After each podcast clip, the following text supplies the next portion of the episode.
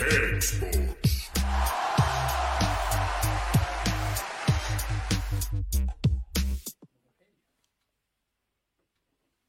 Hjertelig velkommen til eh, nok en episode av verdens beste fotballpodkast, Cakesports Live.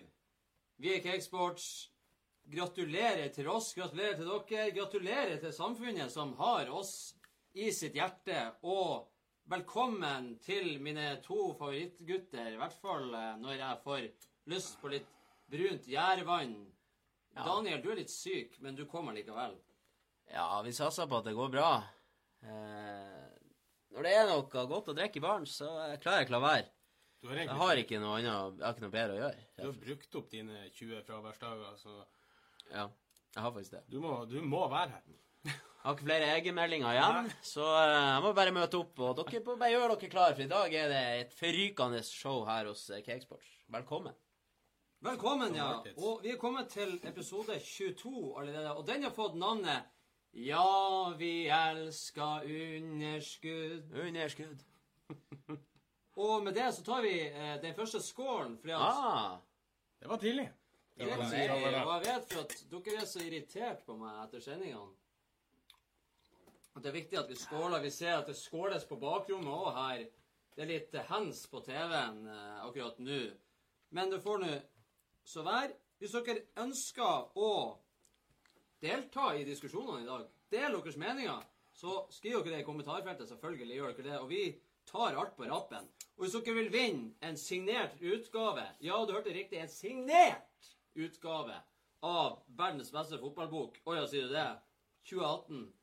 Da må dere kommentere Cakesports. Det er veldig enkelt. Og det bruker vanligvis å være gode vinnersjanser. Gjerne 10% sjanse. Det er ganske greit. 1 til 10 er gode odds. ja, det er, det er som regel lett å vinne noe hos Cakesports, og i dag er det jo ekstra spesielt når vi har eh, fått eh, blekk på papir inni der.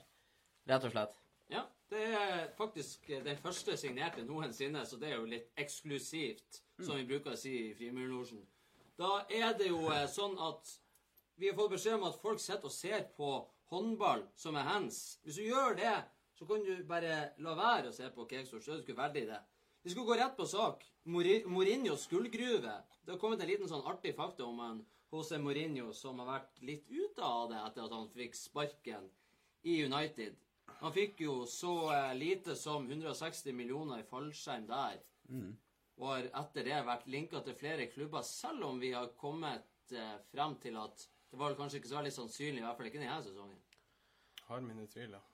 Det bruker jo som regel å være sånn når man får en sånn stor fallskjerm. Jeg kjenner jo folk på, på, på, på mitt nivå som har fått fallskjerm òg. Jeg har en tendens til å være ute av jobb en stund. For du får penger, og Hvis du ikke må jobbe, så er det ikke alle som gidder det. Og Mourinho har jo nok nå til å klare seg en stund. Man skulle tro at han har nok, men han har funnet nye veier til å få enda mer. Mye vil ha mer, er ikke det vi sier? Selvfølgelig. I hvert fall hvis du stemmer blått, eller hva det er. Når eh, Ja, for nå har han fått seg ny jobb? Han skal være ekspert i Be In Sports sitt studio. Eh, Da får vi jo et studio hos Be In Sports som egentlig er bare gamle surkuker. Det blir beinsports. Sports. Det er jo han Andy Gray og han Så jeg aldri husker navnet på. Han eh, han verten sjøl. Jeg glemmer alltid ja, han suser seg. Ja, ja. Knoll og tott. Stemmer det. og Mourinho i lag. Det blir jo virkelig eh, harmoni. Et symfoniorkester. Avtalen han har fått, er at han får betalt for hver kamp han sitter i studio. Ikke for hver gang han er i studio. Og så skal vi smake på den her. Ta smak på den her. Han får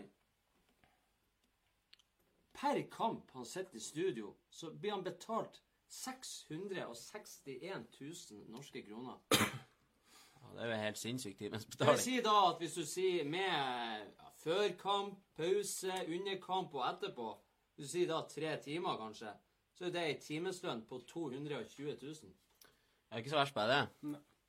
Tjener mer å gå på do enn jeg gjør på en, en hel måned. er de, jeg fatter ikke at noen gidder betale så mye for å sitte her. Jeg forstår det. Men Det må jo eh, være mange å velge mellom. Be- Bein Sports de har jo prøvd å få opp eh, kvaliteten på sendingene deres. Så eh, Ja, da skal du ikke ansette Virker som Mourinho. Bean Sports henter de som ikke får jobb andre plasser. Ja, det er litt sånn. Sånn sa han der eh, Andy Gray. Han var jo ute i kulden og havna i Bein Sports. Så det er liksom slummen for sportsnyheter.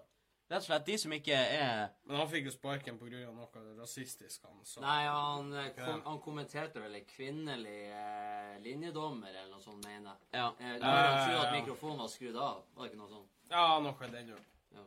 ja Så det er jo sparka fra alt som kan bli sparka så uh, jeg, jeg tar ikke byen Sport så veldig seriøst. Veldig og- spennende tider da, i hvert fall for han eh, Mourinho, som faktisk har sitt første oppdrag i kveld i storoppgjøret mellom Saudi-Arabia og Qatar. Da sitter han og er ekspert. Tror og du får tjener 600 000 for å se Saudi-Arabia Vet du hva, jeg skal faktisk eh, ta Mourinho litt i forsvar der. Jeg ville òg hatt 661 000 i lønn hvis jeg skulle sittet i et studio og sett Saudi-Arabia og Qatar. Får være måte på hva du skal oppleve i livet. Ja, det, er- det er drøyt. Det er hardt for øynene, men det er godt for pengeboka etterpå. Jeg tror han har gjort verre ting for mindre mindre Og penger. hans andre oppdrag er jo litt bedre, da. Det er jo helgas storoppgjør mellom eh, Arsenal og Chelsea. Så da er det jo faktisk greit å tjene så mye penger. Da har du det artig mens du tjener mye penger. Fantastisk jobb. Drømmejobben nærmest nærmest Faktisk. Nesten like bra som å sitte her i Brynbaren og kose seg. Dere ser på Cakesports Live, episode 22. Da tar vi en skål. Skål for det, ja. en skål til. Jeg Vi er jo. Vi er jo i sesong eh, nummer to nå.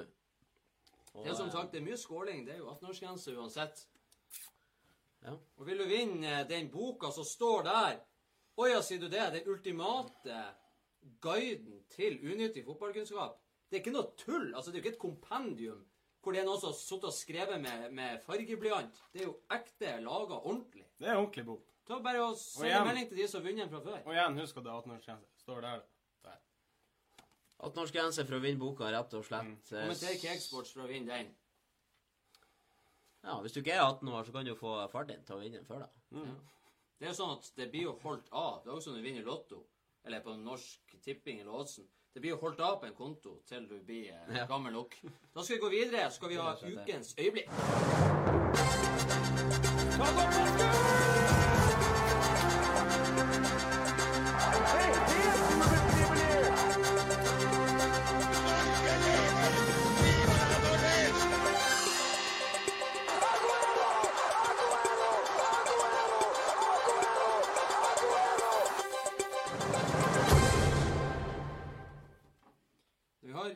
øyeblikk, så har vi for første gang Hvis jeg skal kalle det for plagiat av et eller annet vis, så er det jo det. Og jeg vet at det er en nyhetssak som han Daniel spesielt har bitt seg fast i den siste uka. Og her skal vi ta det rett og slett. Vi har henta denne informasjonen fra bloggen til Mina Finstad Berg, som av og til er i TV 2-studio.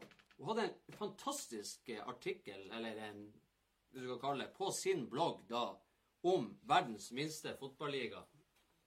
Ja. Og jeg ble så fascinert over alt som sto der, generelt at måtte flytte fra Oya det, og rett og slett inn på ukens hovednyhet, eller du kaller det for det. Fordi at det er så mye artig å hente ut her. Kan gå rett på sak. Jeg skal være veldig saklig, i hvert fall til å begynne med. For at det er jo selvfølgelig Storbritannia Det er jo ingen plasser det er mer populært med fotball enn akkurat der. Det er store stjerner, det er store fotballag, det er masse penger. Mange TV-serier, mange på stadion. Men rett utenfor Storbritannia, hvis du kan si det, det, der er det ei øy. Siljeøyene. Det ligger vel Siljeøyene ligger vel eh, litt sør for Irland. Ute i havet der. Litt sånn Cook Island, Kristian, som du eh, har et veldig godt øye til. Men det er veldig få steder der breddefotballen er mer spek spektakulær enn på Siljeøyene. Utafor Cornwall er det som er det ytterste punktet da i Storbritannia. Ja. Der finner vi verdens minste fotballiga, som sagt. Og den øygruppa har rundt 2000 innbyggere. Så spillematerialet har jo selvfølgelig alltid vært begrensa. ja, det er jo mindre enn eh, både Værøy og Røst. 2000 er ikke mye. Det er jo mindre enn Valnesfjorden. Valnesfjorden er sikkert mer. Men likevel så har de klart å holde lokalfotballen levende i snart 100 år. Ligaen ble etablert på 20-tallet og holder på fortsatt den dag i dag. Tidligere så var det fire lag på øyene, altså totalt i denne ligaen. Det var det fire lag Men siden 50-tallet så har ligaen bestått av kun to lag. Woolpack Wanderers og Garrison Gunners. Det høres egentlig ut som sånn her westernbander. Helt fantastisk. Mange ligarunder er det? Spiller sånn sju ganger mot hverandre, eller?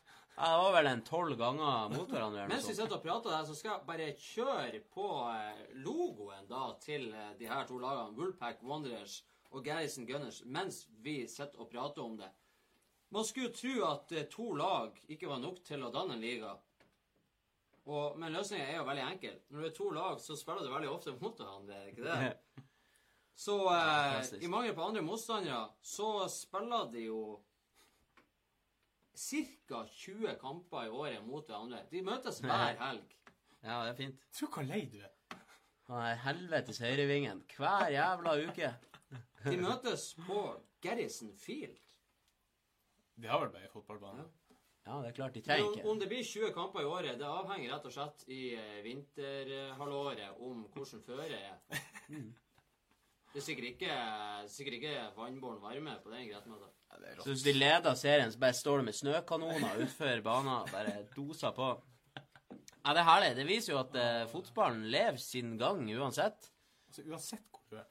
Ja, Ja, det er fantastisk, rett og slett. Fantastisk. Vi har eh, flere som er inne og kommenterer her. Eh, Tom Oppsal er faktisk inne. Han vant jo forrige episode. Han skriver han vinner gjerne ei signert bok. Så han har signert bok. Han skriver Keksport på nytt. Vil du vinne verdens beste fotballbok, som Tom Oppsal sjøl kaller det, da kommenterer dere Kegsports. Helt Tom- fantastisk. Tom Oppsal har jo fått boka, så han kan jo skrive i kommentarfeltet hva førsteinntrykket var når han fikk den. Det er Nesten sånn lyd når du åpna den. sånn. Det er rett og slett munkemusikk som kommer ut der.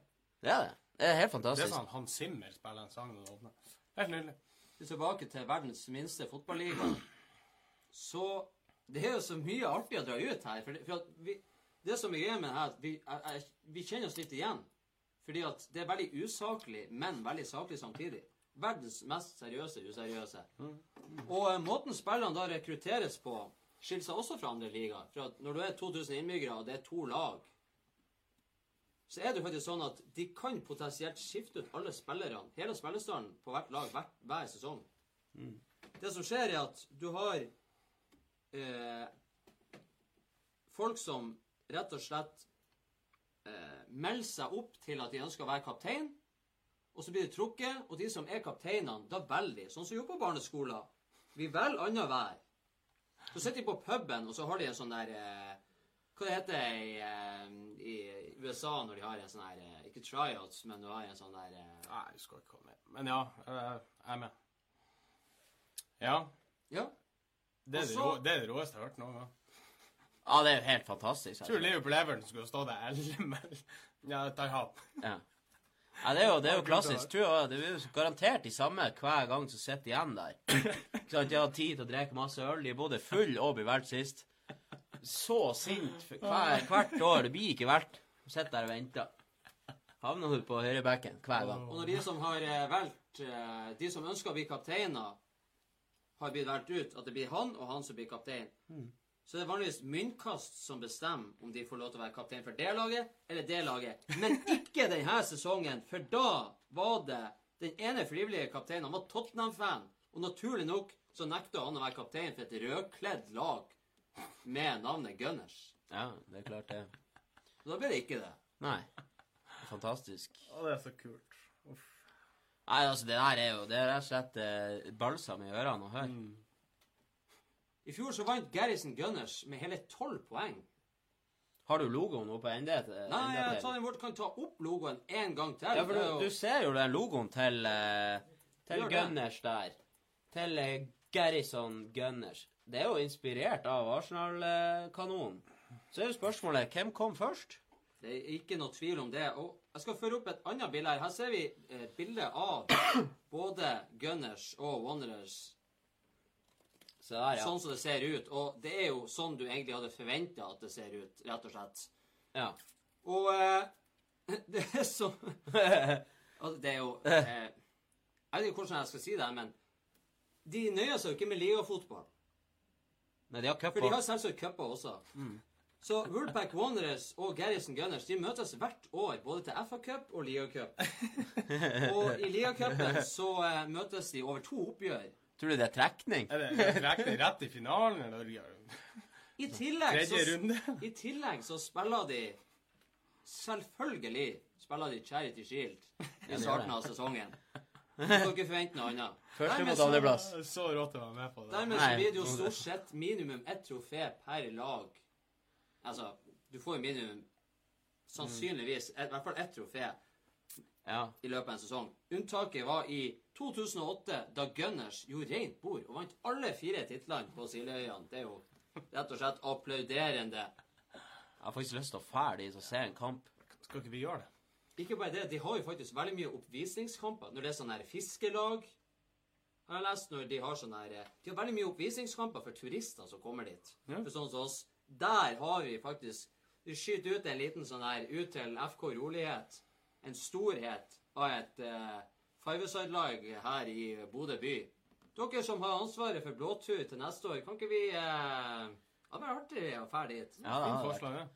Fære ut på øya Tror vi der. tar fotballskoene og spiller mot dem. Det har vært litt artig. Det Christian, har også skjedd. For det er jo visningskamper hvor du kan møte dem. Ja. Og på Boxing Day, som er den største fotballagen kanskje i engelsk fotball, i hvert fall mest høytidelige, så har jo selvfølgelig de sin egen vri på det også. Da har de De unge spiller mot de gamle. Så de, de eldste går i lag, og de yngste går i lag og spiller. Det er jo helt fantastisk. Å, det er rått. Herregud. er. Akkurat per nå så er jeg litt usikker hvordan eh, det står til i ligaen der. Jo, forrige runde fikk Woolpack Wonders etterlengta seier og har nå klart å knappe inn på The Gunners sitt forsprang. Nå er det ni poeng som skiller dem i ligaen. Så Alle, det er sekspoengerskamper hver gang. Det er det råeste jeg har hørt i hele mitt liv.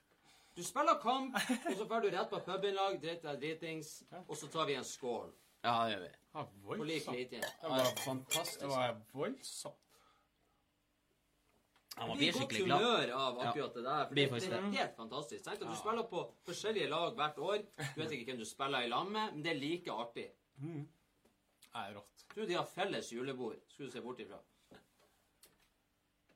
Før vi går eh, videre i programmet Å ja, sier du det? Verdens beste fotballbok. Den kan du vinne. Kommenter Cakesports. Tom Oppsal han skriver boka er så bra skrevet at han leser meget langsomt. Han vil at den skal vare lengst mulig. Det er jo helt Ja, fantastisk. Det er sånn som man liker å høre. Nevnte du at det er signert bok denne gangen? Jeg har sagt det tidligere, men Ja. det er den eneste signerte utgaven som eksisterer på denne jord så langt. Og Tom Oppsal, eh, frykt ikke. Du kan jo eh, ha den som en sånn her kalender hvis du tar en om dagen. Så kan, hende du, kan jo hende at det kommer en ny variant av Å ja, sier du det etter hvert, så Ja. Ei side om dagen. Da varer han i 133 dager. ja. Det er jo helt utmerket. Det er helt fantastisk. Jeg bruker å lese den på senga til ungene når de skal ligge og sove. Det de, det er sånn med Matrix. Og så jeg fortsetter etter de har sovna òg, sånn at jeg vet at de får det inn. Sånn sier Matrix. Så er det en episode om dagen, hun sa. Ja. Da skal vi eh, gå videre i programmet. Vi skal snakke om fantasy, um, selv om vi ikke ønsker det. Det er Cakesports mål. Partiet her, fantasien nær, laget ditt er der. Ikke vær så sær, konkurranse ha, røra deg bra. Gi du skal, gullet du skal ta, men nå er du støkk. Bare legg på trykk, lag et lite møkk. 3 mot trykk, 3 mot trykk, 3 mot trykk, 3 mot trykk, 3 mot trykk.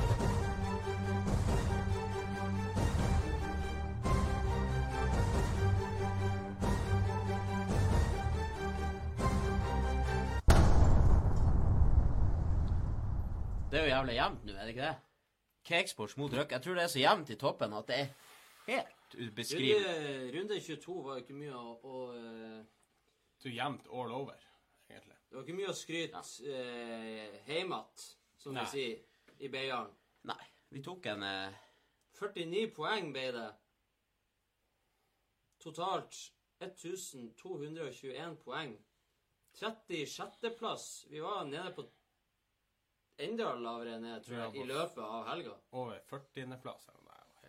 Det er jo helt er skrekkelig. Når skal vi komme oss opp av kneika, Christian? Over Når skal vi komme oss over 30? Kommer an på om er det mange Selv om jeg har kommet meg over 30. Ja. Nei, er det fem serierunder, så er vi der. Men nå har jo vi han Kane. Vi har han Kane. Men vi har ikke Det brukt det av Vi har ikke brukt det wildcard, har vi det? Nei, det har vi ikke gjort. Så vi har en mulighet her. Vi er, vi er nødt til det, tror jeg. Ja, det tror jeg vi er. Det er, helt krise. Men Kristian, han eh, Semso Jeg gir opp. Har du snakka Har med Nei, med han angående sisteplassen nok en gang? Team Kaka, 869 poeng. Her har oraklet skrevet ingen kommentar. Jeg orsker. ikke. Nå er det nok, tror jeg. Det går ikke an. Det er rett og slett et eh, hån mot eh, de andre som Får han poeng i det hele tatt? Det går ikke an. ikke. Jeg skjønner ikke, uansett om du ikke følger med, fra begynnelsen av sesongen må du gå an og lage et lag som er såpass greit at du du klarer å ikke være på sisteplass. Det er jo Jeg tror ikke jeg hadde klart å være sist hvis jeg hadde prøvd. Nei, godt gjort. Det er prestasjon i seg sjøl, altså. Det må jeg si. Ja, det er jo det. Men noen må jo være sist. Og noen må Men- være først. Men han har vært sist i sånn tre måneder. Ja, det. Helt siden vi starta. Ja. Nå må være sist, og nå må være først. Femteplassen, Truls Ekran, Ekranas. 1370 poeng. To poeng over der på fjerdeplassen. Christian Jammisen. Han kaller seg kolon, parentes, utropstegn, utropstegn. Skjerp deg, for faen. Er han, smilefjes har han vært med hele tida? Det er ikke et navn. Har han vært med hele tida? Han har vært med hele tida. Han har vært oppe en gang tidligere, tror jeg, på topp fem. En gang eller to. Tredjeplassen Maria Therese Sæter. FC. Bjarne. Hun holder seg. Bra for en sånn eh, vi, En eh, flerkulturell verden, da. At vi har eh, Litt blanding i toppen. At vi har et kvinnelig skikkelse med der, så at det ikke virker som at vi er veldig sånn Egentlig så hadde vi tenkt å kaste henne ut, men vi tenkte at kanskje ikke. Ja, kanskje ikke. Så er det faktisk sånn nå, Christian Og jeg ser at du bare Du skinner av deg. For at det er delt førsteplass denne runden. Ja, det nå er det. Nå Det tatt eneste grunnen til at den ene er over den andre, er at han fikk flere poeng denne runden. Men begge to har 1408 poeng. Går det an?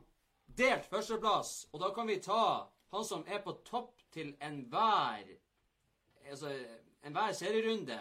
Først Jon Andreas Vika med Nesquik sjokolademelk. Han er på topp i lag med Skal du si det sjøl, Christian? Karl Lars Jonsson? Lars Jonsson, Christians all time favorite loverboy of the world, FC Graushild. Tenk, er det er imponerende at de er i toppen hele tida, men at han Nesquik klarer igjen å klamre seg fast Det er som ganske om- ja. Husker dere noe så Løvenes konge? Ja. Da dere var små. Han eh, Mofasa, når han henger utfor klippa Du ser det bare neglene som står fast i berget. Der er han nå. Der er han nå. Ja, han klarer det. Men vi vet jo hvordan det går til slutt. Ja. Når han Skar kommer og dytter han utfor klippa. Han er Ja, Lars. Jonsson, du er han Skar. Hvem var den tredje? FC Therese Det var Maria Therese Sæther. FC Bjarne. Det er ikke Nei, vi får se. Vi har jo han eh, Eden Hazard, i hvert fall. Eh, På en eller annen måte så har han klart å bli en av de som har fått mest poeng i Fantasy. Hvordan vet ikke jeg. Nei, ikke jeg. jeg klarer ikke å huske at han har verken skåra mål eller hatt assist. Nå hadde han assist forrige runde. Men en liten fun fact som jeg måtte ta med da, for eh, mine egne påstander, er at han Eden Hazard er den første spilleren til å nå doble tall for både mål og assist i Premier League denne sesongen. Han har ti mål og ti assist. Hvor i faen kommer det fra? Ja, det er- det er bra. Han har det nå. Det Nei, det, Det er det, ikke så mye å si på det. sist? Jeg forstår ikke det. Han har kanskje ikke hatt den eh, sesongen man hadde håpa på, men uh, nå har jo Chelsea Det har, det har but- but- butta litt imot til tider. Men det er når vi sitter og ser Chelsea, så han ser ikke litt målfarlig ut. Ingenting. Nei. Forstår det ikke. Nei, det, det er litt merkelig. Det skal sies. Men Det han er, er heller, det er heller ikke farlig å kommentere Cakesports i kommentarfeltet. Hvis du vil vinne en signert utgave av Oja, sier du det. Det er jo helt superb. Det Det er veldig mange som, her, her inn, som har boka, som er inne og kommenterer og sier at den er helt fantastisk. Jeg må jo faktisk gjøre sånn her her. For det er den du kan vinne. I uh, Fantasy, I Fantasy, mot ja. Drøk, så er det pokalen du kan vinne. Du skal få ei bok med. Ja, Du skal få ei Ja, bok med. Det er såpass sterkt. i en så ærverdig liga at du, du skal få den med. Er det noen tips til oss sjøl, da? Hvem vi skal, skal vi bytte ut av Kane?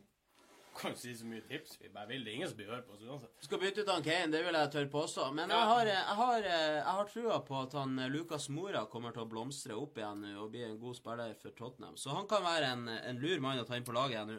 Hva tjener han sånn for? Er det Han er horn. Ja. Så det er uten han og uten han Kane. Han Lucas Mora blir, han blir å få spille mye nå fremover. han Lucas Mora. De har jo ikke noen andre å bruke som. Han har vært litt skada, så det er jo også derfor. Men da, eh, da legger vi den dø. Nå skal vi bare gni oss i hendene og sende opp eh, fyrverkeri og være glad for den neste spalta som kommer. For da er det jo selvfølgelig spalta med samme navn som den boka der. Jeg tror vi tar en skål for spalta. Gjør vi det, ja? Ja, det gjør vi faktisk. Tror det har rabla for denne her eh, episoden her. Jeg ble faktisk friskere av å være i baren. Skal vi selvfølgelig til verdens beste spalte noensinne. Det er like unikt som Big Bang. Vi skal til Å ja? Sier du det?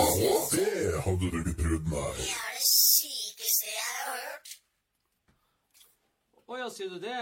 Der er det jo all uh, mannskiten du ikke trenger å vite om fotball, men som du allikevel har lyst til å vite. For hvorfor ikke skulle du få trødd inn i hjernebarken at det italienske fotballforbundet har bekrefta at de har kommet til enighet med Legea om å være offisiell leverandør av sportsutstyr for det italienske dommerforbundet? Ja. Og det er jo helt fantastisk. Den avtalen gjelder fra starten av neste sesong og vil vare i tre år. Og Legea de erstatter jo da Diadora, som har vært leverandør i over 20 år. Stor nyhet. Legea er jo ikke så godt kjent i Norge. Men uh, jeg har faktisk uh, kjøpt noen drakter av Legea til bedriftslag back in the days. Og det er faktisk eh, meget eh, bra kvalitet. Det er prima vare. Det er faktisk det. Det er generelt bra kvalitet. Er det italiensk, er det bra. Tror du de får sånn tettsittende drakter sånn som spillerne har? Skikkelig, skikkelig eh, tettsittende. Jeg ville i hvert fall hatt Legea i stedet for eh, Diadora. Ingen tvil. Og Umbro. Umbro kan ta seg en bolle. Så for de som lurte på hvem som ble den neste leverandøren for de italienske dommerne, så har dere fått svaret nå. Så skal vi gå til noen som eh, en, en, en, eh, Et menneske i fotballen som alle beundrer om dagen. Som ingen klarer å stoppe å prate om. Som bare er sykt irriterende. Ole Gunnar Solskjær. Den første, første United-manageren til å vinne sine seks første kamper i sjefsstolen. Og ja, jeg vet at dere tenker at det har dere lest i hvert fall 50 plasser. I hvert fall på norske nettaviser. Men vi må jo ta det med, for at det vi sier her, skal jo senere inn i ei bok. Så det er jo greit at vi tar med litt Solskjær. Og jeg vet at det er jævla eh, Man er jævla lei av Solskjær. Men det er ikke Solskjær sin skyld. Jeg skal ta, litt, ta litt i forsvar der. Det er ikke hans feil. Han har jo bare vunnet fotballkamper. Og Det er så jævlig vinner- norsk. Ja, det er det som er problemet. Hvis du ikke vinner fotballkamper, så hadde du sikkert stått enda mer. Ja, det hadde Altså, etter en kamp, når du klarer å ha fem nyheter på Dagbladet Fem! Bare om Solskjær. Det er helt utrolig. Men jeg ser jo på jobben min, altså folk som aldri ser på fotball. De er ja, satt og så på Manchester United-kamp i går. Han der Solskjær, han er jo kjempeflink. Så folk sitter der, og det altså, Bestemora mi begynte å se på Solskjær. Og det er ikke sånn jeg skal se Manchester United-kamp. Jeg skal se på han Solskjær. De tre sekundene han blir filma, så er det sånn Å, der er han! Se han Solskjær der! Kom igjen, nå! Men Det eh, det er sånn- greit. Det er artig. Jo, men det har Ja. vært sånne her eh, overgangsrykter denne uka når det sto om Fellaini. Nå står det i engelske aviser står det United skal selge Fellaini. På Twitter-brukere står det United selger Fellaini. Hva står det på VG? Da står det Solskjær har tenkt til å selge Fellaini. Hvorfor er vi plutselig i Norges land blitt et, et stort fellesskap i fotballen? Sitter vi alle og elsker han Solskjær i lag? Hvor Nei. kommer det her ifra? Det er dere som Jeg som Liverpool-supporter, jeg bryr meg ikke. Jeg vil ikke lese det. Jeg bryr meg ikke. I det hele og store. Jo, men det, Og det er snakk om De fleste tror ikke jeg bryr seg. altså, det er flott, de som holder flott for han Solskjær sjøl. Ja, ja. Og, og det er artig på sitt vis. Det er forståelig. Men vi er ikke alle det er ikke sånn at alle Vi er ikke i like begeistra vi er ikke i samme båt. Nei, men Det er jo sånn typisk norsk. Det er Når det skjer noe bra fra Norge, så skal det melkes. Sånn som Magnus Carlsen, da han var, eh, ble kjent der og vant det første VM-et. Det var jo det var ikke fred å få. Men det kan- Eh, Flåklypa Grand Prix og brunost og ribbefett. Altså alt mulig slags helvete. Det kan bli litt for mye av det gode. Og det har det blitt nå. Ja, altså det, det er blitt på det nivået nå at journali eh, journalismen og journalistikk generelt er jo helt 100 lavmål. Ja, det helt Reis til helvete, sier jeg. Hva i helvete er det for noe? En tab Solskjærtabell? Ja, men altså, de finner noe å skrive om han uansett faen, og det er så irriterende. Nei, de, det der må de gi. Det er greit å skryte av Solskjær og hive hoi, men når det går på sånn her barnehagenivå sånn Edda bedda buse, Solskjærtabellen altså, det, det er jo helt Det er jo akkurat det, jeg er enig i det. Det er jo det som er problemet. Norsk medier gjør det så barnslig. Er Nei, han David er fortsatt flau over oss. Han spør meg daglig når jeg møter han, så spør han er du ikke flau over å være norsk. Det sier han. Jeg hadde heller tatt på meg Brimi-T-skjorte og truga og Mm. grilla pølse og drukket kakao og spist Kvirk-lunsj hver dag, i stedet for å være så norsk i media og sitte der og kose. Det er jo folk Altså, nå skal ikke jeg gi- gjengi noen navn, men jeg har ei jente på jobb, og hun er ikke interessert i fotball. Men så kommer han her om dagen, så er det sånn Ja, har dere sett han Solskjær vunnet de fem siste kampene? Han er den beste treneren i verden. Det er jo ingen som har gjort det før. Jeg leste det før at det var ingen som hadde gjort det. Å, han er jo så god, da. Sant? Og er sånn- er så god manager at han klarer å hente han Bjørnbakk til Molde, selv om han ikke er i Molde sjøl. Ja. Vi skal komme tilbake til det senere. Vi skal gå videre. For av de ti siste straffene som er tatt i Premier League av en venstrebeint spiller, så er seks av dem Seks av dem har i dag endt med bom. Ja. Og jeg har jo lenge hatt en påstand at de som er venstrebeint, er dårligere med høyre, altså med feilfoten, enn det en høyrebeint er med venstrefoten. Sånn generelt sett, ja. Eller generelt, Det- det- om det er fotball eller å stå rett opp og men det er ikke din mening, det er fakta. Jo, men å stå rett opp og ned. Hvis du er høyrebeint, så klarer du å slå en pasning med venstrefoten. Ja Eller faktisk... løft ballen med venstrefoten. Er du venstrebeint, og du prøver å sparke med tå på høyrefoten, så detter du over ende. Eller så får du krampe. Du ser han Sala med høyre? Han klarer å treffe ballen. Jeg husker hvordan riset var. Ja. Det var som at du har et slalåmsko på den ene foten. Det ser ut som du spiller med gips. Det er helt jævlig å se på. Så da, de ti siste straffene som er tatt av en venstrebeint spiller, så har seks av dem endt med bom. Fire av de som har gått i mål, det er alle han Salla. Så det var ikke med høyre, da, med mange år. og de straffene til han Salah, det er jo ikke så veldig mye å rope hurra for det. Nei, det er Han lukker øynene og smeller til. Ja. Så at, eh, det, at det blir en bom der nei, neste gang, det er jeg ganske sikker på, for nå har han brukt opp, Brukt opp lag. brukt opp kruttet. Ja, Han er ikke noe god på straffene, han Salah, men det med venstrebeinte spillere, det er jo ikke noe eh, Det er jo ikke noe å kimse med, egentlig. Det er jo eh, fakta. Ja. Venstrebeinte er, har vanligvis en veldig god serve. God å legge inn. Ja, ja. Skyte hardt. Gode cornerer. Gode frispark. Bortsett fra det, så klarer du nesten ikke å stå rett opp og ned. Jeg skjønner ikke at det går an. Det er jo som at det er noen motorisk feil med, med hofta di, eller med, med lå... Altså, hva det er for noe? Det ser jo ut som at du har fått støt. Ja, det er noe kromosonfeil inni Og det er ikke rasistisk ment for dere som er venstrehendt der ute. Det må være lov til å ha litt selvironi. Og tror dere vi bryr oss uansett? Og Det her er vår podkast. Det er ingen i baren her som er venstrebeint. Vi er sier, vi, vi sier hva vi vil. vi lever godt med det, for vi er ikke venstrebeint sånn som du.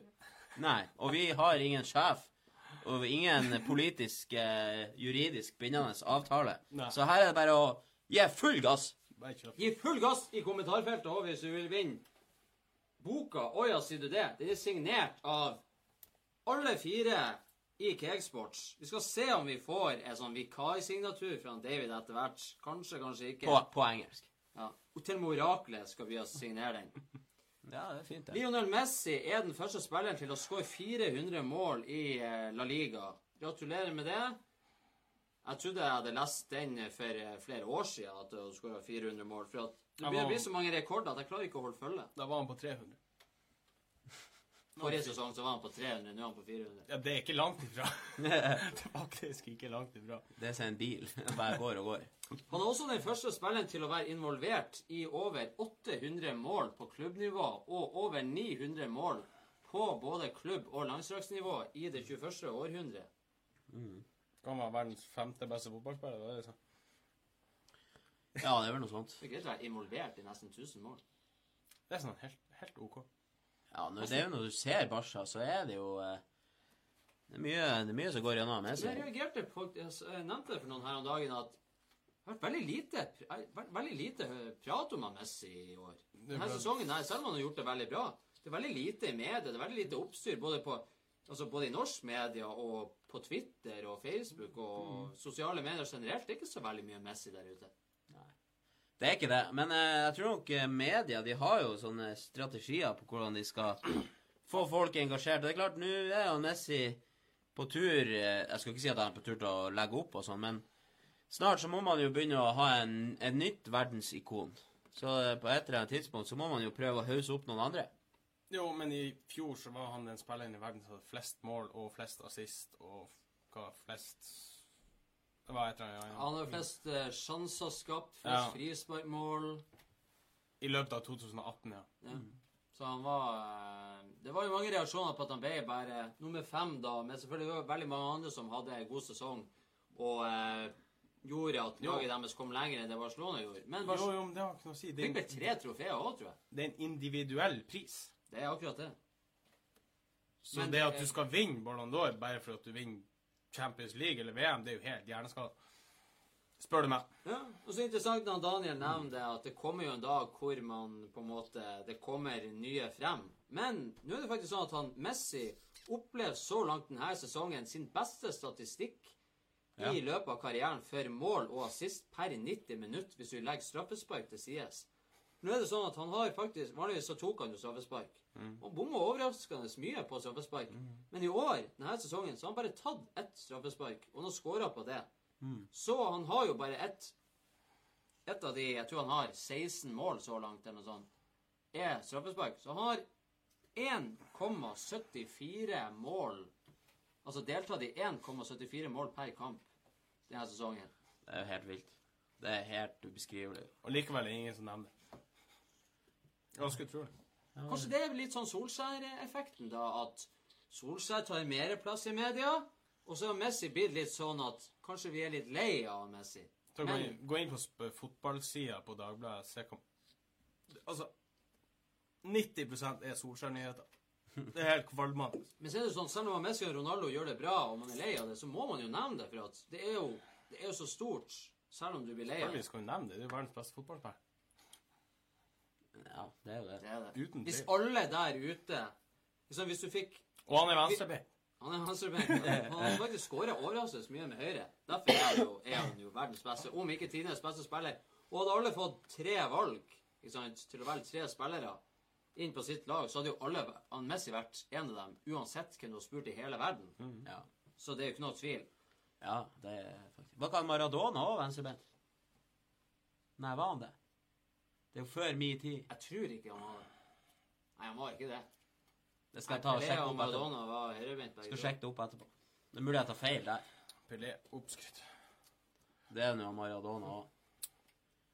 Altså, I ut- sin ut- tid. I sin tid var de enorme, men eh, du kan ikke, jeg har ikke sittet Maradona på banen i Premier League nå og briljert. Det, har- det Jeg, jeg, jeg, Maradona- skulle, jeg, jeg jeg skulle sånn. til å si, ta den diskusjonen, men jeg gidder ikke. Vi har ikke tid til det. Nei, vi skal ikke ta det, men jeg sier han Maradona hadde ikke fått spille i norsk eliteserie den dag i dag. Det det tempomessig så er det et helt annet dag. Altså, du kan ikke Jo, men sammenlignes. Hadde han vokst opp i dag med det talentet der, så hadde han spilla. Jo, jo, men det jeg Det sier blir jo det samme. Den spilleren han var han, Har du sett eh, Hvis dere ser bildene av Pelé når han spilte fotball, så gikk jo folk til sides når han gikk mot dem. Jeg har aldri sett så dårlig forsvarsspill i hele mitt liv. Det var én god fotballspiller i verden. Nå er det jo tusenvis. Det er forskjellen. Men Se for deg han er Jeg må bare si det. Ja. Nei, bare gå videre. Nei, si det. Du, når Nå du sier du må si det, så Ja, blir ok, vi nysgjerrig. Jeg så en statistikk. Han van Dijk han har ikke blitt dribla én gang. Hæ? Jeg har ikke blitt dribla én gang. Ikke én gang som forsvarsspiller. Se for deg Maradona skal drible han van Dijk der. Jeg sier han kom til Liverpool. Ja, siden han kom til Liverpool. Det er på, på Det er Det kan jo kalle det for én sesong, for det er jo ca. et år siden. Eh, tror du han Maradona dribla han van Dijk? Nei. Men jeg vil skyte inn der Han eh, van Dijk, han eh, Når Liverpool spilte mot City og Mares bomma på straffe, Ja. var ikke det han van Dijk som laga straffe, da? Jo. Han ble jo ikke dribla. Men jo. Han var ikke forbi. Jo, men jeg tenker på, er ikke det, Hvis du lager en forseelse, er ikke det det samme som å si at du tar en er på vei forbi det? Nei, det er akkurat det det ikke er. Du blir ikke dribla, for du smeller ned i stedet for å Ja. slippe å miste stoltheten din. Det er litt som i gymsalen. Det Du jo- spenner de Jo, heller men det blir ned. jo litt sånn Men det er nå sånn de, de Jo, blir men det er jo litt som å få assist når du blir felt på å lage straffespark. Ja, men det han Marius gjorde, det var å skyte den over dørlinja, og så kom han Han på Sané. Ja, han sa Sané. Det var han Maris som bomma på straffa, var det ikke? Det har vel litt med det å gjøre. Det er artig ting å diskutere. Det er veldig interessant. Det er jo akkurat det samme som han eh, takla Mertens. Hadde jeg vært eh, og laga de reglene, så hadde jo det vært ei dribling. Fordi han må takle han, han er jo forbi. Eh, Eller ta det ut ifra hver situasjon. Det er jo sånn. Men, Men uansett- Du, du, du, du hindrer jo igjen, på en måte. Men men når du må ta frem sånn én Ble han ikke dribla den ene gangen der? Nei. Altså, da er det bra sykt. Ja, for det er de få eh, målene jeg husker Liverpool har mot seg denne sesongen. Siden starten av eh, 2015-2016-sesongen har eh, Jamie Vardy og Wilfred Saha vunnet tolv straffespark hver. Dette er mest i Premier League. Det er mye, det. Han var de er jo flink, flink å ramme, da. Det skal han jo ha. Veldig flink å ramme. Og så lurer oraklet på om det er ikke lenge før han Salah filmer seg til toppen. Ja, det kan godt hende. Det kan godt hende. Han er jo eh, han, Det er rett og slett for å få dere i gang på kommentarfeltet, for dere er for feige til å komme med meninger og eh, være med i diskusjonen. Det er jo mange som har ment at han Salah har filma seg til straffe. Men eh, du kan jo, det er blitt så vanskelig nå å definere hva som er filming, og hva som ikke er filming. Fordi at Det, Det- forrige straffesparket mener jeg ikke er filming. Gangen for der, ja, det var litt filming. altså, hva, hva er filming? Er det når du detter, du hjelper på å dette, eller er det når du prøver å lure totalt? Jeg mener, jeg hadde en formulering på det for et par episoder siden, og det er jo fortsatt rett, for at i Kakesport har vi alltid rett. Spesielt jeg som er, programleder. det, er fort, det, er fort, det er forskjell på overspill og på film. Ja, og det er det som jeg skal frem til, er at hvis du filmer, så skaper du en situasjon som ikke er der. Hvis du overspiller eller gir etter, så eh, på en måte du utnytter en situasjon. Og det er jo det som egentlig skjer. Det, når alle sier at han Salah filmer, så, så mener de jo egentlig Nei, de Eller, mener ikke det. de de, mener ikke det, de, men- vet, de men- vet ikke forskjellen Nei, på det. men uh, Helt per, defi per definisjon så er det jo at hvis en holder deg i skuldra, og du setter deg ned, så er det ikke filming. Da utnytter du en situasjon som allerede er der, og så overspiller du, og så får dommen ta, ta eh, hva han mener. Ikke sant? Jo. Da er det litt sånn Om det er Sal eller hvem som helst, det er jo på en måte litt småjuks, det òg. Men filming, altså på sitt vis, det kan være juks. Det trenger ikke å være juks.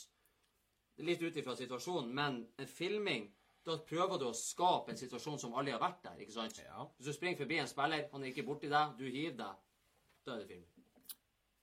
Et eksempel er hvis noen springer bak han Salah, holder han i skuldra, og han ikke ramler, hva han får ut av det da? Han blir hindra fra å skyte, han blir hindra fra å gjøre ditt og hindra fra å gjøre datt. Men han får ikke straffe. Han får ikke straffe. Og det er jo også Og hvis han utnytter det Ja, han utnytter Jeg syns det er helt greit. Det, det han gjør, han utnytta jo ikke Altså, han utnytta, men det han utnytta, er jo motstanderen sin feil. Ja. For motstanderen går inn med en arm der, og du vet hvis du gjør det, da kan det bli straffe. Det er full spurt. Faren for at du lager straffe nå, den er der når du tar tak i han. Ja. Og tilfeldigvis er han Sala så lur eller dum, eller hva du vil kalle det for, at han går ned da. Dommeren ser den holdninga, og 50-50 mener jo, altså av dommerne, eh, vil jo sikkert mene eh, litt forskjellig, men sånn som jeg har sett det etter regelboka, så er jeg ganske klar, eh, klar ja hvis han ikke ramler der, og han fortsetter å holde, og så kommer forsvarsspilleren seg forbi han Salah, da har jo igjen forsvarsspilleren lura seg Lura til seg ballen. Ja, utnytta. Ja, utnytta situasjonen, for han har jo ikke lov å gjøre det heller. Nei. Så det er liksom Må jo se det begge veier. Og så er det jo spillere som får den her armen, som heller sliter seg løs og prøver å sprenge Ja, videre, så man må jo hedre de òg. Og så har du han Neymar, du kan jo sånn, og så ramler han fem meter borti Men da er du borti han, Christian. Da er du borti han, og da utnytter han at du Nei, er borti det er to vilt forskjellige ting. Nei, ikke- må ikke du blande her.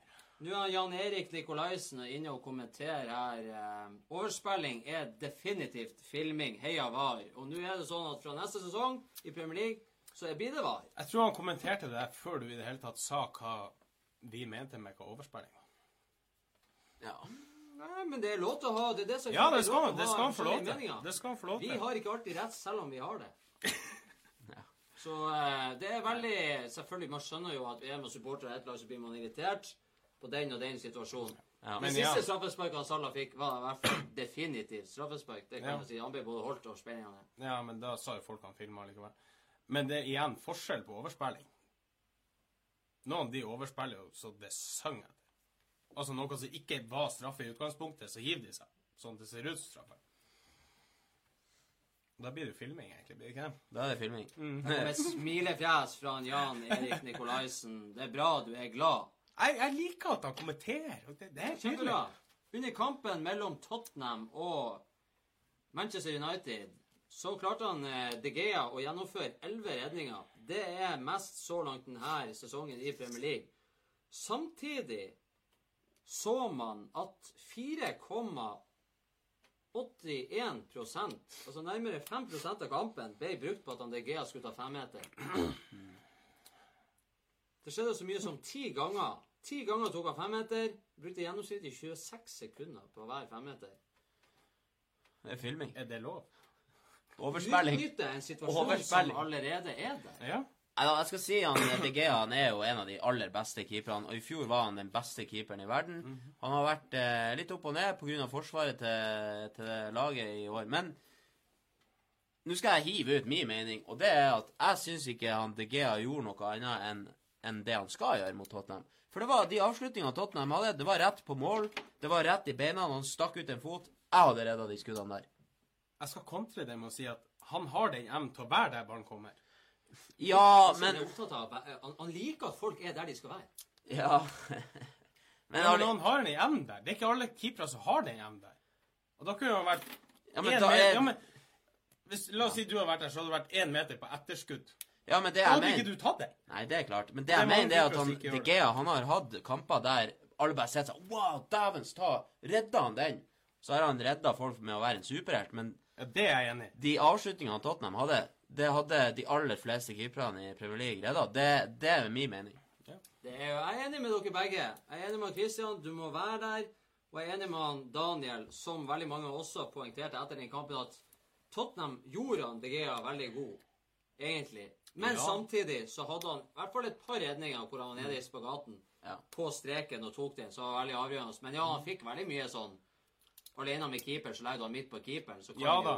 jo Men nå er jo jeg verdens største kritiker til keeperspill, Ja. sånn at eh, Jeg mener jo at han skal ta alle de der. Han burde faktisk ha holdt den ene. Men allikevel, United vant kampen, selv om de ble litt overkjørt i andre omgang. Siden han jo først var der, så skulle han ha tatt de. Skulle han holdt det.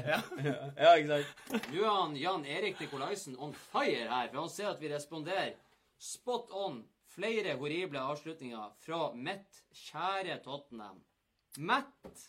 Jeg var mye dårlig. Matt Kjære. Mange av redningene ville vært tabbe, tabba og ikke ta. Det sier Det- han. Så han er helt, enig. helt enig med han eh, herremannen der, Nico, herr Nikolaisen. Fra litt sør for Bodø, høres det ut som. Da skal jeg, vi ta den siste Den siste fakta, superfaktaen i Oja sier du det, i episode 22 av Cakesports Live. Verdens beste, eller i hvert fall Skandinavias beste fotballpodkast. Kjører et bilde der av en eh, ikke en helt så ung herremann, en japaner som heter så mye som Kasu, Kasuyoshi Miura. Miura! Han har signert en ny kontrakt med Yokohama FC. Yokohama FC. Dette blir hans 34. sesong som profesjonell fotballspiller. Han er 51 år. Han har tommelen opp i været, tunga ut. Han har tunga ut. Ja, han har tunga ut. Ja, Du ser jo at han er 51 år. Han er ikke sånn som han er indisk. indiske. hvilken divisjon var det han spiller? Han spiller jo øverste divisjon, tror jeg. Det, det sier jo litt om Nei, det eller gjør han det? Det går ikke an at han Jeg mener at han spiller i samme klubb som Det skal jeg faktisk ta her og nå. Jeg mener at eh, om eh, en eh, som når- vi vet godt om. Når du er 51 år og spiller fotball ennå, så elsker du jo sporten, men eh, hva, Hvem er det han spiller med? Det var akkurat det jeg skulle si. Han spiller med, for jeg kjente igjen det navnet. Og kjente faktisk igjen det laget. Han spiller nest øverste divisjon i Japan. Han spiller selvfølgelig i lammene Ibba. Abdurrahim Lajab, som spilte i Glimt tidligere. For noen år tilbake siden. Tenk han Så da vet vi hvordan nivået er. Han spiller han kan ha fem millioner i året for å spille i Japan i lag med en 50-åring. Det er jo- det er jo sant. helt sykt. Men hva, vet du hvordan posisjon han spiller? Er han keeper? Om han er keeper Jeg tror faktisk han er spiss. Kan du finne ut av det her? Det kan jeg jo selvfølgelig mange gjøre når mange dere er så kresen. Rutinert. Mange, mange det mål var han i fjor? Han er angrepsspiller. I lamma han Ibba på topp der. Hæ? Det er helt fantastisk. Så Han hadde i null mål i 2018. Han hadde ett mål i 2017, han hadde to mål i 2016. Og så hadde han tre mål i 2015, og så hadde han null mål i 2014. Så det er virkelig en storspiller de har skaffa seg for 34. sesongen. Det er jo helt Det må jo være sånn veldedighet uten lønn. Han må jo betale for å få lov å være. Kanskje han lager gode fester for laget eller noe sånt. Antageligvis. Det er noen som er med bare pga. det òg. Det har jeg opplevd før. Han Jan Erik Nikolaisen er fra Steigen, sånn at dere vet det. Steigen. Han er god av mett. Beklager. Beklager. Kondolerer, mener jeg. Nei, jeg mener eh, beklager. Jeg sa at jeg sa at du var sør for Bodø. Trodde det var Mo. Nei, jeg vet ikke hva Hadde det hadde vært. Mo, så hadde jeg sagt det har jeg også sagt kondolerer. Nå må vi holde tidsskjema. Vi må holde tidsskjema. Vi må gå videre. Og ja, sier du det er over for denne gang. Da skal vi gå mot slutten av denne episoden, og da skal vi prate om rykter og overganger. Skål da, folkens! Skål! Skål, da! Du, word on the street er at du har begynt å kjøpe klærne dine på tilbud. Du, hold opp, da. Ikke vær lættis. Ikke tro på alt du hører. Ikke tro på alt du hører. Men du kan tro på alt du hører i baren her. Hvor jeg sitter sammen med My Favorite Boys. Vi tar en skål til for. Christian blir så forundra over at jeg skåler og skåler og Jeg skåler. like overraska hver gang. Og Sparta her er jo henta ut fra Twitteren vår, der vi har et orakel. Som sitter døgnet rundt og gir dere de ferskeste og mest seriøse fotballnyhetene og ryktene. Så hvis du har Twitter, gå inn på Cakesports. Der er det Det er faktisk ganske fascinerende at han gidder. Det er faktisk helt utrolig. Det er som en bot som sitter og oppdaterer, spesielt når det er overgangsvinduer. Det er utrolig, og flere og flere folk eh, liker oss og følger oss og eh, kommenterer. Det er helt fantastisk. Men det er fordi du får saklige nyheter der. Det er det. Vi tar ikke masse sånn teite rykter. Nei. Men eh, det var mange som eh, heva på øyenbrynene når eh, han Ryan Babel ble klar for Fulham på en kontrakt ut sesongen. Christian, du, eh, du var litt i ekstase. Det er jo hyggelig å se han tilbake i Premier League. Det blir Han er jo faktisk enda på landslaget til Nederland, så han er jo ikke dårlig. Han er jo veldig fargerik. Han har jo rosa hår. Ja. Er han bid eh, 32? Er han 31? Han er blitt 32 nå. Det skal jeg faktisk ikke se. Han er en av de der som du trodde han hadde lagt opp for lenge siden. Ja. Og så til plutselig er han i Premier League. Han kommer jo, han kommer jo vel eh, fra Besiktas eh, på lik linje med han eh, PP som gikk til eh, ble for Porto. Mm. Økonomisk krise i Besiktas gjør at eh, flere spillere ble terminert. Ble det rett? ja. Det ble rett. Terminert kontrakt, og det er sikkert derfor at han ender opp der. Vi har sagt mange rare ord på det. Både torturert og Jeg har hørt på episodene vi har sagt terminert, permittert. Og sagt alt mulig. Permittert. Han ble permittert. ja, Det er fantastisk. Men eh, eh, nå glemte jeg faktisk hva det var du sa. Og mens du prøver å finne ut av det, så skyter han Hans Petter Nilskog inn. Ingen torsdag uten Cakesports. Nei, det, det, Bra. Vi blir håper du skåler i lag med oss.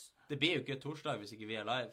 Nei, det er bra Hva sikkert. du, hva han, du glemte hva han sa? Ja, jeg glemte hele nyheten. Det var Ryan Babel, ja. Ryan Babel, Ryan og Babel PP til- og Besiktas nesten konkurs, og det er bare elendig. ja. Men Ryan Babel til Fulham, Mm. det, det er artig. Det er spennende. Folk tror han, ja, men, men folk tror han er over det topp. Det kan godt hende. Men han spiller jo ennå på Nederland, som faktisk er meget bra nå for tida. Ja, de kampene jeg har sett han i siste, han ser bra ut. Mm. Kanskje han Babel kan gjøre han eh, Mitrovic bedre på topp Kanskje også. han endelig fått et sluttprodukt etter ti år. Chelsea er svært nær å signere han Higuain på lån fra Juventus med opposjon på eh, kjøp da, eller forlenga låneavtale. Hvis alt faller på plass, så vil han være klar for Chelsea innen kort tid, skal han Gattusso ha uttalt. AC Milan sin trener. Han er jo på utlandet i AC Milan. Og det var faktisk etter at oraklet vårt hadde oppdaga at han ikke var avbilda på et lagbilde. Så måtte de bare ringe han Gattuso der og høre.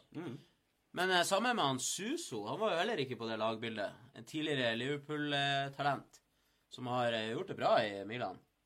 Mm. Det er spennende å følge litt med han òg, for de som har eh, sett han i Liverpool. Vi har prata tidligere om, eller i hvert fall jeg sjøl har jo nevnt at jeg syns ikke Chelsea har noen spiss. Og nå sies jo at Morata er, skal være ganske nær en avtale med Atletico Madrid. Det blir sikkert veldig populært blant uh, supporterne til eh, Galacticos, Los Blancos. Jeg nekter å tro at han blir ferdig Atletico. Hvorfor skulle han ikke gjøre det? Han har jo eh, gjort det latter i Premier League. Og det er jo ikke noe vits for han å komme tilbake. Nei, det finnes mange alternativer, vil jeg tro. Altså. så. Eh, Men uh, Higuain til Chelsea Det kan jo være eh, god fisk, det. Sarri er jo eh, godt kjent med Higuain fra Napoli. Ja, han er jo det. Vet hvordan han skal bruke han. Men ja, men så har jo Chelsea henta så mange gode spisser opp gjennom tida. Og de flopper hver gang. Men eh, ikke nå, tror jeg. Du er inne på det der med å ha han i Napoli og vet hvordan du skal bruke han. Jeg tror at han Higuain hvis han, Jeg tror han kan gjøre det veldig bra ut sesongen. Og så kanskje får han en liten sånn nedover hvis han er der neste sesong plutselig. Kan være Det, er jo- det er jo vanskelig å se at han skal være lang, la, den lang, langsiktige løsninga på topp for Chelsea. Det er jo det. Men han klarer jo faktisk han klarer i hvert fall å putte ballen i mål. Ja, Morata har jo noen ganger til tider sett ut som han driver på med noe annet. enn Fotball. Det ser ut som korrupsjon at han bomma med vilje. Får håpe om da for hans del at han blir like stor som han Peter Cech. For han har nå, etter 20 sesonger som profesjonell fotballkeeper, hvis du sier det, så har han sagt at han legger opp etter sesongen er over. Sju ganger årets spiller i Chelsea, sju ganger årets spiller i Tsjekkia, fire ganger Premier League, tre ganger Ligacup, fem ganger FA-cup, én gang i Champions League, én gang i Europa League, seks Charity Shield, eller Community Shield, som vi kaller det. Det er jo ikke noe tvil om at han er en legende, og det er ikke noe tvil om at Chelsea vurderer å tilby han en stilling i klubben til høsten, når han har lagt opp. Ja, en av de største keeperne i Premier League gjennom tidene. Jeg blir så trist når folk legger opp. Og den som har flest clean sheets i Premier League gjennom tidene, Han er vel nå på 202, tror jeg. Det er jo blir savn den her eh, hjelmen hans. Og, er en fantastisk keeper. Han var kanskje litt mer sjarmerende i Chelsea enn han var i Arsenal. Ja, Mennesker var... er like fascinerende, men Han var jo på topp i Chelsea, da. han var det. Litt sånn nedadgående kurve. jeg tenker på, det er, jeg beit meg merke i sju ganger årets spiller i Chelsea. Mm. Det er jo sykt. Ja, Må tenke på den suksessen som de har hatt de siste ti han var jo årene. vegg. Men, men når, jeg, når jeg tenker tilbake på det, så var han Peter Check Han var jo der han De Gea har vært. At folk bare skjønner ikke hvordan det går an at han redda ting. Og redda gang på gang på gang. Han var helt syk. Fantastisk eh, keeper. Jeg tror folk har glemt det Jan han. Erik, Jan Erik Nikolaisen skyter inn at Higuain kunne eh, godt ha uh, dratt til Tottenham, for Tottenham trenger jo eh, sårt en spiss. Kane er ute i halvannen måned. Sånn drar til Asia og leker soldat der. I eh, Asia Cup, eller eh, hva det heter. Og så har vi jo Dembele på vei til eh, Kina, sies Han, det. han er klar. Dyer. Han er avbilda med Ja, ja. Men eh, herr Nikolaisen, eh, det er bare å glemme. For Tottenham de har ikke et øre å bruke på nye spillere. Så Nei, og Men det de tror jeg kan han jo- vet ganske godt. Og Ja, men de kan jo låne spillere. Dyer skada. Og det siste er jo at de ønsker å låne han Origi fra Liverpool. Og da tenker jo jeg um, Så de går ikke for å vinne serien, med andre ord. Jo, men én ting Folk kan jo si hva de vil om, om han Origi, men ville Liverpool ha lånt ut Anorigi Nei. til en direkte konkurrent i toppen, sånn som det er per nå? Nekta, tror jeg. det, det her det er jo veldig kritisk for Tottenham som, som, eh, som klubb resten av sesongen. Pochettino. Det her det kan faktisk være en- Altså Jeg ser for meg denne situasjonen kan være nok til at han bare tenker at Jeg får ikke kjøpt spillere. Og nå ser han hvordan det kan bli de neste, neste 15 årene. Hvis hans enkeltspillere blir skada, så ødelegger det resten av sesongen. Og så er du ikke med, og så vinner du ingenting igjen. Og så blir det bare på trynet. Og så står United der med pengeboka åpen. Kjøp hva du vil. Få hvilken lønn du vil. Det, er, det blir jo fristende. Klart det. Det blir spennende å se hva som skjer med Tottenham nå. De har bygd eh, stadion. Havna skikkelig eh, på, på minussida. Jeg tror fortsatt Pochettino ender opp i United. da. Ja. Og sånn og Kane har vel i lag stått for jeg tror det er mellom 35-40 mål til sammen i lag. Altså med assist og mål. Det er klart at når de mister, og Lucas Mora har vært skada Det er Det gror ikke godt. Og Sissoko nå måtte vel ut med noe som kun ser ut som en eh, lyskestrekk. Ja, og han, har, han har jo vært helt enorm i år, så det er jo heller ikke positivt. Nei, så det er virkelig Det er tynt overalt. Tynn suppe overalt. ja, ja. Det er sånn som Liverpool brukte å ha det for noen år siden. Jeg vet ikke hvor de Dæven, hva du romsterer. Ja. Tottenham forhandler også Må vi ta en skål nå før han begynner å bli ja, det klør i fingrene. Så han sitter her begynner å, Skål. begynner å demontere baren her snart. Jo, men jeg skal skyte inn Tottenham. De forhandler med Barcelona om et lån foran Malcolm. Malcolm i midten. Og Malcolm Malcolm han har bedt sin agent om å finne han en ny klubb, for han er rett og slett misfornøyd. Men hadde du seriøst trodd at du skulle være fast på Barcelona når de har henta Dembele for halvannen milliard, og det har han Messi, og det har han Suárez, og de har henta Coutinho for halvannen milliard, så hva tror du? Trodde du virkelig det? Det er like dumt Men som de som har vært i Kina. og Til og med han. Coutinho sitter jo mye på benken der. Ja. Men han Malcolm blir jo ikke å redde den situasjonen der. Så Tottenham er jo uansett. Nei. Du kan si. Han har i hvert fall en sylfrekk stråbart. Ja. Andre som kan være på vei til Barcelona, Oliver Giroud. Olivier Giroud. De sier at de trenger en, en eh, spiss med litt mer muskler som backup hvis han Suárez ikke spiller en plan B. Er det veldig sånn typisk Christian å target man i Barcelona? Jeg har jo sagt det i alle år, at de trenger plan B. Når de har røket ut av både Champions League og alt det der, så står de og stanger og stanger og stanger, prøver å spille likens hver gang. Men de får ikke De får ikke mål, så da må de ha en plan B. Og det var jo på tide, etter alle årene her, at jeg endelig innså det, da. Syns jo jeg. Men det ligger jo i filosofien til Barcelona det der med at du skal bli så god på plan A at plan B aldri trenger å tas i bruk. Ja, men sånn fungerer ikke verden. Nei. Det er jo også, også plan til Glimt. Du ser hvor det går.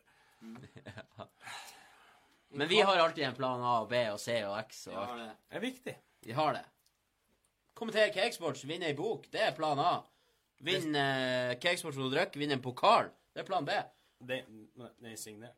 Det er signert hvis du vil vinne. Nå er det rett og slett bare minutter igjen av sendinga her, så hvis du vil vinne boka sier det? Signert av alle i Cakesports. The only copy in the world. Da skriver du Cakesports i kommentarfeltet. Det blir trukket hvert øyeblikk. Vi tar veldig fort. Yaya Toré, den kakeglade ivorianeren, skal være kanskje på vei til Celtic på fri transfer. Vær så god, Celtic. Plages med han. Vær så god. Leeds har signert Unnskyld. Leeds har signert Real Madrid-keeper Kiko Casilla. Spennende. Og vi må jo selvfølgelig ta med til slutt da Martin Bjørnbakk, Bodø-Glimt for evig, mer, mer, mer. Ja. Blitt solgt til Molde. Endelig, etter mye rykter, eh, ble, skulle visst ha blitt tilbudt en del millioner i sommer fra Molde. Takka nei for at de ville redde plassen. Og så har det vært rykter nå om at eh, de har både bydd 7 og 8 millioner og 12 millioner, og at han Bjørnbakk skal ha takka nei. Aldri i verden om han har takka nei til Molde. Bjørnbakk har jo vært ute i media flere ganger i Glimt og ønska at Glimt har større ambisjoner, og har sagt at han sjøl har større ambisjoner. Og det er helt fair, du er fotballspiller, du skal jo ha store ambisjoner. Og så var han nå ute, det sto i Bodø nå, det var massevis av kommentarer på Glimt-forum på Facebook. Jeg må bare ta det, fordi at det var veldig mye Mange som limte inn en artikkel fra Bodø nå, hvor det sto Overskrifta var at han Bjørnbakk uttalte at han lova å bli i Glimt i 2019. Å, kan dere la være, Bodø, nå? Dere Også- er så fette dårlige. Altså, Hva er det slags journalistikk, det der? Det er jo helt bak mål. De setter jo falske forhåpninger til folket i Bodø, og så vet alle at han skal fære. Klubben er jo faen meg så mye underskudd at de er jo nødt til å selge han. Mm. Så sitter Bodø nå der og skal være sånn Ja, har han sagt at han skal bli? Han har jo ikke sagt det. Han sa ja, han, blir nå i Glimt i 2019. Nei, Han han var der i én dag. Han, Han sa, skulle spille for Glimt i han sa at han kunne garantere at han kom til å spille for Glimt i 2019. Og da det første som slo meg, var at det er sikkert noe eh, med Molde her, og at han sikkert skulle komme inn og spille mot Junkeren neste fredag. Og, for da har han jo på en måte holdt ordet sitt, at han har spilla for Glimt i 2019. Men hvorfor Bodø nå, hva forventer dere når dere stiller opp til et intervju og spør han Bjørnbakk et sånt spørsmål? Kommer du til å bli værende? Skal han si der og da? Og dere er de første i verden som får vite Nei, Nei, du, jeg er ferdig i Glimt. Det er ikke det. Jeg skal til Molde. Tror dere det? Dere som skriver at Olaug har fått seg en ny kje på sykkelen sin. Eller at uh, han, han eh, Ron Olaf har eh, fått seg ny paraply som er gul. For det passer til alle vær og vind og sånn, Det er sånn der Vi fant et hull i asfalten. Det er sånn Bodø nå. Må dere skjerpe dere. Hva er det slags journalistikk? Det er bare tull. Men samtidig, et oppgjør med de som sitter på Glimt-forum og lirer ut av seg Ja, det blir det sånn. Ja, det blir det sånn. Få nå litt fakta inn i hodet. Det er jo ikke sånn, selvfølgelig, at når Glimt er 7-8 millioner i minus, og de selger han Bjørnbakk, så er det ikke sånn at alle de pengene går til Glimt. Nei. Lær dere hvordan det der fungerer i fotballen. Nå er det jo sånn at det er ikke Glimt som eier han Bjørnbakk engang. Det er Nordlandsglimt som eier han Bjørnbakk. Så de får jo en liten prosentdel. De eier en prosent av han Bjørnbakk. Ja, Og det er ikke bare han Bjørnbakk som har vært der. Det har jo vært massevis av spillere opp gjennom årene som er eid av Nordlandsglimt. Så det er ikke sånn det fungerer. Verden er ikke svart-hvitt. Det er veldig mye imellom av og til. Så er det noen agenter også inne i bildet også, som er, ikke jobber gratis. Så det er, det Hvis er dere trenger hjelp, bare send oss en melding, så skal vi gi dere en uh, grunnleggende kjapp leksjon på bakrommet. er sånn- med Hvis Glimt skal redde inn i økonomien sin, så må de nok selge et par til. Det er jo rett og slett Det- det der- skremmende for den langsiktige Det der redda ikke underskuddet deres, for å si det sånn. Jeg tenker på når det går en hel sommer. Det går en hel sommer med den ene, den andre, den tredje, den fjerde, den femte saken negativt. Drit ut seg sjøl. Drit ut varemerket Bodø-Glimt, som er en av de største varemerkene i Nord-Norge. Du bare driter deg fullstendig ut. Og så klarer du på et eller annet vis å få til, når det roer seg, så får du til den heissaken hvor du skal få ti millioner i året. Helt ut av det blå. Du er de største legendene i norsk fotball noensinne. Det har aldri skjedd før. Da må du skjønne at det er noe som er muffins med hele greia. Jeg tror de har tatt høyde for det, og så har de brukt pengene deretter. Og nå sitter de der, og så har de ikke penger. Og så kommer vi til slutten av sesongen.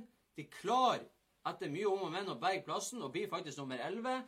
Og da ser det ut som at ting roer seg. Og at det er Men så står det jo, som det gjorde i Avisa Nordland da, i eh, nei, kommentaren der, at de har lagt ut om at det så så mye i minus, og så blir det enda mer. Og så står du der igjen, like dum, eller om ikke enda mer, som du gjorde i sommer. Og da er det ikke noe vei utenom at noen er jo nødt til å gå. Hva er det slags, hva er det slags folk? Hva er det slags holder på med? Gratis sushi. Å, vi har fått nytt bilde på sesongkortene våre. Skal vi faen bry seg? Ta og Skjerp dere. Driv klubben grønn. Og få resultater på fotballbanen. Det er to ting. Det er to leveregler. Det er ikke så jævla vanskelig, skulle man tro. Men du pusser opp eh, vippen, og du pusser opp administrasjonen for Løvini og tull og tøys. Hvorfor faen skjerpe dere. Ja, jeg blir litt rød i ansiktet, men jeg blir faen meg så jævla irritert. At det Ja, er det mulig at folk er så inkompetent når du tjener masse penger, og du har viktige jobber. Jo viktigere jobb du har, jo dummere er du. Det er min påstand. Ikke bare i Glimt, men i fotball generelt. I verden generelt.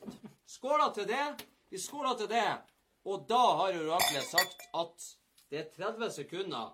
Kommenter Cakesports i kommentarfeltet hvis du vil vinne årets beste fotballbok. Å ja, sier du det? Det er rett og slett manuset til den spalta Å ja, sier du det? Hvor det er all unyttig fotballkunnskap som du trenger. Skal ikke få høre i mikrofonen her. Det er rett og slett eh, ferskpressa blekk på papir. Signert av, eh, av oss til dere. Kommenter Cakesports. Nå skal vi strekke vinneren snart. Ja, de 30 sekundene må nå ha gått nå. Den er gått, og eh, da kan jeg få en uh, trommevirvel. Oh. Ja. Og vinneren av eh, Å ja, sier du det? Er Martin Brobakk Nordgård. Nordgård! Gratulerer med dagen. Ja da! Du har fått den beste boka i verden. Du kan brife med den ute når du er og tagger om natta. Du kan eh, bruke den når du møter kompisene dine på vors. Du kan bruke den når Ja. du Kan ta med deg på byen. Sitteunderlag. Ja. Imponere damer. Helt fantastisk. Du Kan close damer med den boka der. Det kan du faktisk gjøre. Jeg kan jo bare gjøre noe artig bare for å gjøre det. Sånn her, sånn her. Under VM i 2010 ble det solgt over 750 000 liter øl inne på stadion. Det tilsvarer omtrent 3 170 064 øl. Og hvis ikke du syns at det er interessant, så er du ikke verdig å vinne den boka der. Så gratulerer til han. Gratulerer til dere som sitter og ser på oss. Gratulerer til dere som har oss i livet deres. Cakesports Live episode 22 er over for denne gang. Vi er tilbake om ei uke. Jeg har ikke mer å skåle med. Dere kan ta en eh, Bonski. Skåla for mye. Og mens de tar en Bonski, så sier vi at følg oss på Twitter, følg oss på Facebook. Vi er overalt. Vi er på Spotify. Vi legges ut der som podkast. Og vi elsker samfunnet. Det er Vi er rett og slett Det er fotball til folket, av folket. Og med det så sier vi takk og adjø.